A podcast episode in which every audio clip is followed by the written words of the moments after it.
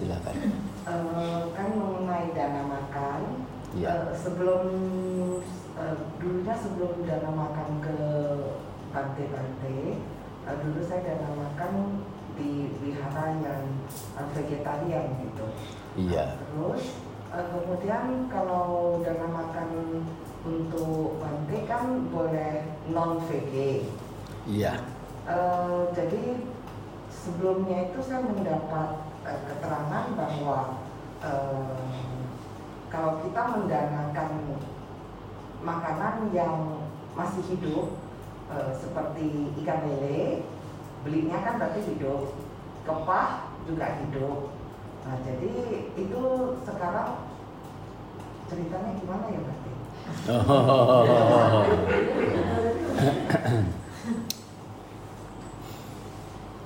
Eh, dua hal yang berbeda bu ya antara kita berdana dan kita menjalankan sila. Nah, harus dipilah-pilah. Jangan sampai kita berbuat baik itu berdana misalnya memberikan barang baik berupa makanan maupun berupa cash dihasilkan dari eh, sisi-sisi yang menurut para bijaksanawan utamanya Sang Buddha itu adalah sebuah kerugian bagi diri sendiri. Jadi dana berupa makanan atau berupa barang berupa apa pun tentu hal yang baik. Tetapi bukan berarti ya pokoknya berdana itu sudah baik, dapatnya bagaimana dari mana itu boleh-boleh saja. Nah, misalnya dalam hal ini adalah ya memancing sendiri, mengambil ikan sendiri, ya atau apa namanya membunuh uh, ayam sendiri, membunuh apa sendiri begitu ya. Uh, kemudian uh, dengan satu pemahaman bahwa berdana itu ya adalah hal yang baik dan didapat dari cara apa pun itu bukan masalah. Nah, ini adalah pengertian yang uh, tidak benar. Uh, oleh karena ada dua sisi berdana dan menjalankan sila. Nah, sila itu justru malah tatarannya itu lebih tinggi daripada dana. Menjalankan sila. Ini Sang Buddha mengajarkan. Sang Buddha bukan peng, itu penipu, bukan pengelabu. Kalau Sang Buddha penipu mungkin dana tatarannya lebih tinggi daripada sila. Supaya dapat banyak-banyak. Supaya orang berbondong-bondong untuk berdana. Tanpa memedulikan dapatnya dari mana bagaimana. Luar biasanya beliau. Hmm. Jadi sila justru lebih pokok, lebih mendasar dan lebih tinggi tatarannya dibandingkan dana. Nah, sila itu apa saja? Berlatih untuk tidak membunuh, berlatih untuk tidak merampas hak pihak orang lain, tidak berzina, tidak berbohong, berlatih untuk tidak bermabuk-mabukan. Nah, itu pelatihan, itu bukan peraturan. Patut dimengerti juga ya, itu bukan peraturan, itu pelatihan. Hmm. Artinya apa? Kalau dilatih, semakin terbiasa, semakin piawai, semakin nyaman, lancar dalam menjalankan, dan itu membuahkan hal yang manis.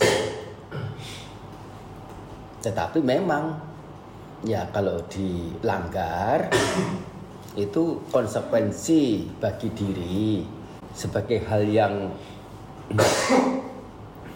uh, tentu tidak diharapkan oleh diri kita juga kalau pelanggaran sila itu telah dilakukan. Sehingga bagaimana kita mendapatkan sesuatu apakah sudah didapat dengan sesuai dengan tata susila itu juga perlu.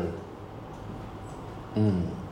Masih banyak kok variasi dari kita apa namanya memasak makanan.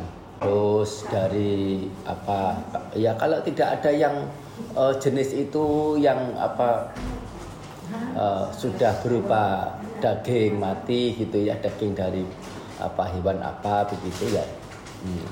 cari yang lain bisa tidak harus tidak memaksakan diri untuk harus membunuh ini tapi kepah kalau nggak fresh nggak enak kan hmm, masalah enak belakangan.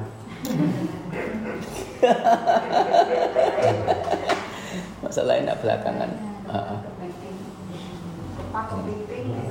Iya, ah, ya apa namanya itu belakangan. Masalah enak belakangan. Berarti kalau saya pesan uh, supir atau anggota untuk beli kepala atau kepiting atau apa gitu tapi dalam keadaan hidup. Iya. kemudian kan yang membunuh kan uh, yang orang pajaknya gitu oh iya. oh iya. Tujuannya yang bunuh iya. kemudian kan uh, saya bawa pulang kan di rumah kan masak. Iya iya. Itu uh, termasuk salah. Kalau kita belum tahu bahwa kepah itu mas itu apa namanya cara cara mengambilnya cara kita mendapatkannya itu pihak yang penjualnya itu apa membunuh dulu begitu ya. Ya masih tidak apa-apa. Sudah pasti tahu pak? Oh nah kalau sudah tahu kalau sudah tahu ya ya menghindar saja. Cari kepah yang memang sudah masak. Oh apa yang sudah masak. Ah oh, cari kepah yang sudah masak. beli dari warung. Oh ya iya iya iya iya ya lo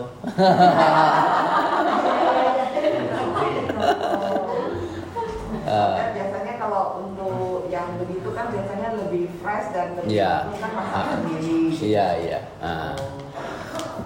Berarti sebaiknya dihindari ya Bante? Ya lebih baik menghindari. Hmm lebih baik menghindari. Oleh karena itu pelaksanaan sila itu ternyata Sang Buddha mengajarkan tingkatannya lebih tinggi daripada berdana. Hmm.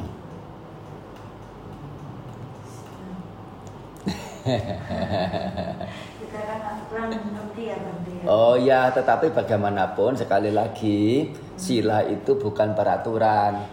Sila itu pelatihan. Nah, dilatih, dilatih, dilatih. Hmm. Terus pertanyaan berikutnya ini agak nggak enak didengar. Mm -mm. Mohon maaf dulu gitu. Yeah. Iya. Uh, jadi kalau misalnya, uh, misalnya ya Bante, uh, saya tahu kalau Bante uh, suka sekali makan kepak misalnya. Mm -mm. Terus uh, karena saya mau mendanakan sesuatu yang fresh dan enak dan harus saya masak sendiri mm -hmm. gitu. Mm -hmm. uh, jadi saya kan beli yang fresh saya danakan kepada Bate. Mm -hmm. Terus Bate uh, begitu makan juga tahu bahwa itu berarti hidup itunya dimasak. Oh. Terus uh, oh. oh. Bantenya jadi oh. berdosa nggak? Oh. Iya, kalau bantenya tahu. -hmm kalau bantainya tahu bahwa kepah itu uh, masaknya itu ha, uh, harus harus fresh begitu ya di uh, itu itu hidup-hidup itu dimasak. ini itu. Kalau tahu uh, prosesnya seperti itu dia yang tahu winaya tahu aturan kebikuan semestinya menghindari. Ya. Untuk Bante sebaiknya juga menghindari makan yang itu ya Bante. Uh, kalau ya itu kalau tahu, kalau tidak tahu ya ya tidak apa-apa. Kalau misalnya apa begitu kita tidak tahu. Meskipun apa namanya uh, tadi ada ada sayap ayam begitu ya. Kita nggak tahu yang dana itu apa namanya motong sendiri. motong sendiri atau menyuruh orang motong atau sudah ada potongan. Ya. ya. Nah ini. Ini yang mana contoh saja pak ya. Contoh saja. Kan tidak bisa tahu. Tetapi setidaknya tidak ada keraguan bahwa ini yang bersangkutan uh, sengaja memotong atau membunuh uh, hewan untuk dijadikan masakan didanakan khusus untuk yang bersangkutan biku yang bersangkutan. Nah begitu. Lebih berat bantainya atau lebih berat yang pendana dalam Uh, tentu uh, di sini uh, dalam bikunya itu hanya sebatas sebagai pelanggaran kebijakan Sang Buddha. Bukan pelanggaran sila. Namanya pelanggaran kebijakan. Pendana? Uh, pendana kalau dia membunuh sendiri tentu adalah pelanggaran langsung. Kalau menyuruh membunuh, pelanggaran tidak langsung. Tapi kalau juga tidak menyuruh membunuh dan juga tidak membunuh sendiri, tetapi penyebab pembunuhan itu juga lebih ringan lagi. Nah, iya tak? Nanti kalau masak sendiri itu lebih berat ya? Ah, menyuruh memasak lebih berat. Ah. Ya. eh, eh, udah menyuruh menyuruh lebih ringan. Ah. Ya. Ya, oleh karena tidak melakukan sendiri apa sendiri. Ya, uh, uh. Walaupun itu memang kadang berbeda dengan hukum tatanan negara ya. Yang menyuruh itu yang berat, yang disuruh malah mungkin bebas. ah, begitu. Hmm. Tidak bisa disamakan juga dengan hukum tata negara. Ya perundang-undangan ya. Hmm. Nah itu uh, hal yang berbeda lagi ya.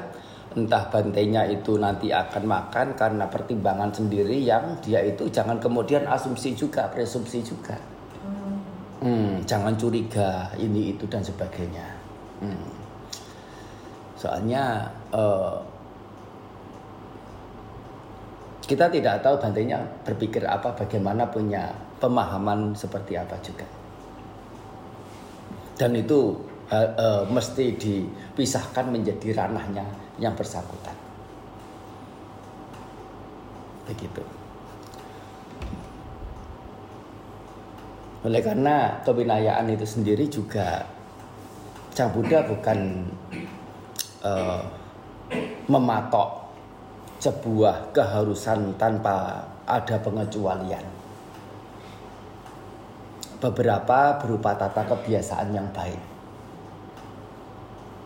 yang diawali dengan kata patut, patut, patut, patut begitu. Itu jumlahnya ada ratusan bahkan ribuan. Patut, patut, patut begitu. Hmm. Tapi ada juga yang uh, apa namanya tingkatan lebih tinggi lagi, lebih tinggi lagi, lebih tinggi lagi. Nah, Sang Buddha memberikan satu ini arahan ya dalam situasi kondisi tertentu ya apa namanya Eh, bagaimana kebijakan biku yang bersangkutan? Ya tidak uh, tidak secara kaku ya. Untuk pelanggar uh, untuk kasus yang ringan-ringan seperti patut patut patut patut. Hmm.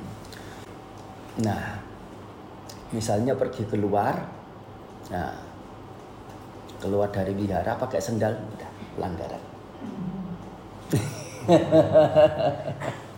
Iya tapi di mata masyarakat sekarang tidak pakai sendal itu tidak sopan. Nah, begitu. Justru yang pakai sendal itu yang sopan. Jadi apa namanya uh, satu hal yang di masyarakat kita itu yang menjadi ininya menjadi proporsinya dalam dalam toh yaitu uh, Sang Buddha sewaktu mengeluarkan kebijakan itu juga karena suara dari penduduk. Hmm. Biku keluar dari wihara pakai sendal pada zaman itu 2000 uh, uh, 2600 tahun yang lalu alas kaki itu uh, sebagai sesuatu yang mewah untuk mereka yang punya jabatan, punya apa ya apa begitulah ya. Hmm, jadi uh, kalau biku keluar dari wihara uh, ke kampung-kampung dengan menggunakan bagia tahu bagia nah, sendal dari kayu uh, atau terumpah. Ya sendal jepit yang pakai itu. Ya ya. Ya sendal itulah ya sepatu begitu zaman sekarang sudah jarang kita dengar kata terumpah kata bakia ya hmm. itu uh, seolah-olah itu bikunya itu ingin menunjukkan diri sebagai orang yang yang samban begitu. Ya, dan itu dikomplain oleh penduduk. Hmm.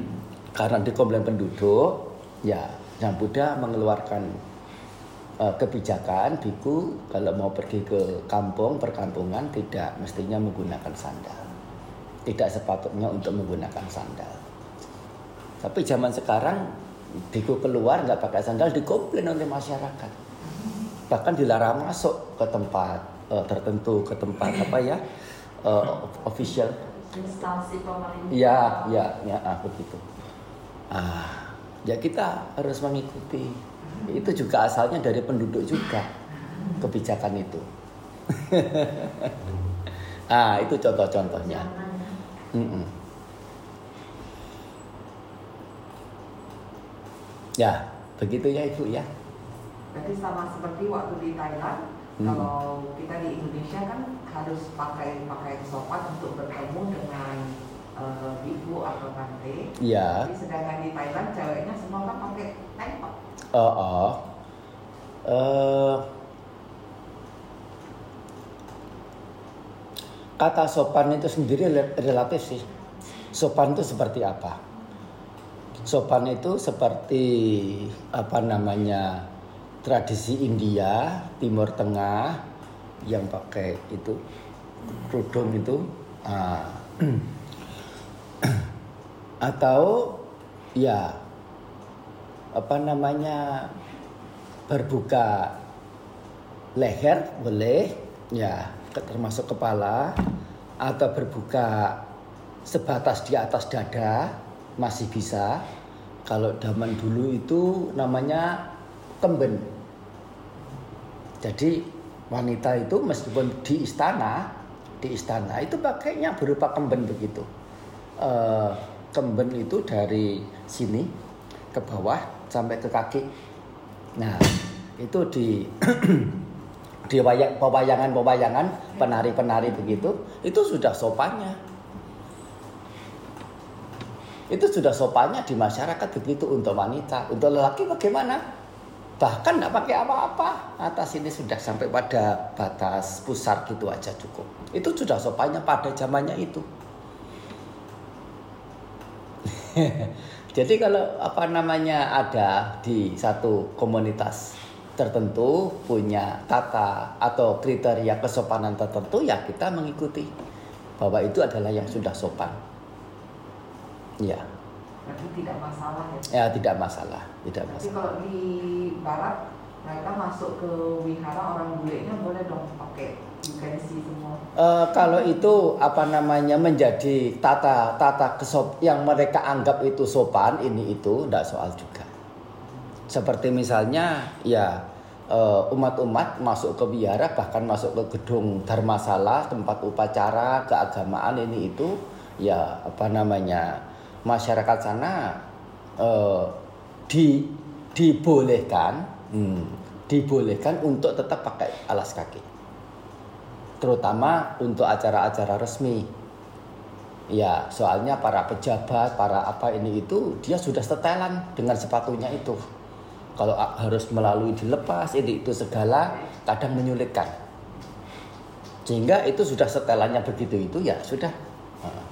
Nah, itu adalah apa namanya uh, tata kesopanan tersendiri untuk masyarakat, komunitas masyarakat itu. Termasuk juga apakah harus duduk di bawah begini? Tidak harus. Mungkin pakai kursi juga. Ini itu hanya karena apa? Hanya karena mungkin uh, satu mungkin kekurangan kekurangan kursi atau kekurangan orang yang mengatur kursi atau mungkin sudah menjadi kebiasaan dari kita ya ya lebih nyaman lebih itu leluasa kalau ya duduknya di lantai. Gitu Bu ya. Fleksibel ya. Ya fleksibel. Ya satu anumodana silahkan tuang air masa-masa jembing sebagai bentuk rasa terima kasih, rasa tahu jasa, rasa penghargaan kepada leluhur, rasa bakti dan cinta kepada sosok-sosok yang patut menerima. Semoga nah melalui kebajikan yang masing-masing ibu bapak lakukan bisa diketahui oleh para mendiang dan setelah mengetahui semoga mereka berkenan untuk turut bersenang, turut bersuka cita. Oleh karena rasa turut bersuka cita itu adalah salah satu bagian, salah satu jenis kebaikan. Dengan turut bersuka, bersuka cita artinya juga telah berbuat baik yang di mana itu adalah kita mengkondisikannya melimpahkan jasa kebajikan, kemudian mereka semua para mendiang bersuka cita. Nah, dan karena turut bersuka cita itu adalah kebaikan, buah dari perbuatan baik itu adalah kebahagiaan para leluhur bahagia. Dan kebahagiaan para leluhur adalah tentu menjadi harapan kita. Ah, sebagai tadi sebagai bentuk apa? bentuk rasa terima kasih, rasa hormat, rasa bakti cinta kepada para beliau-beliau. Nah, silakan tuang air Pak ya. Ya tawari waha pura pari purenti sagarang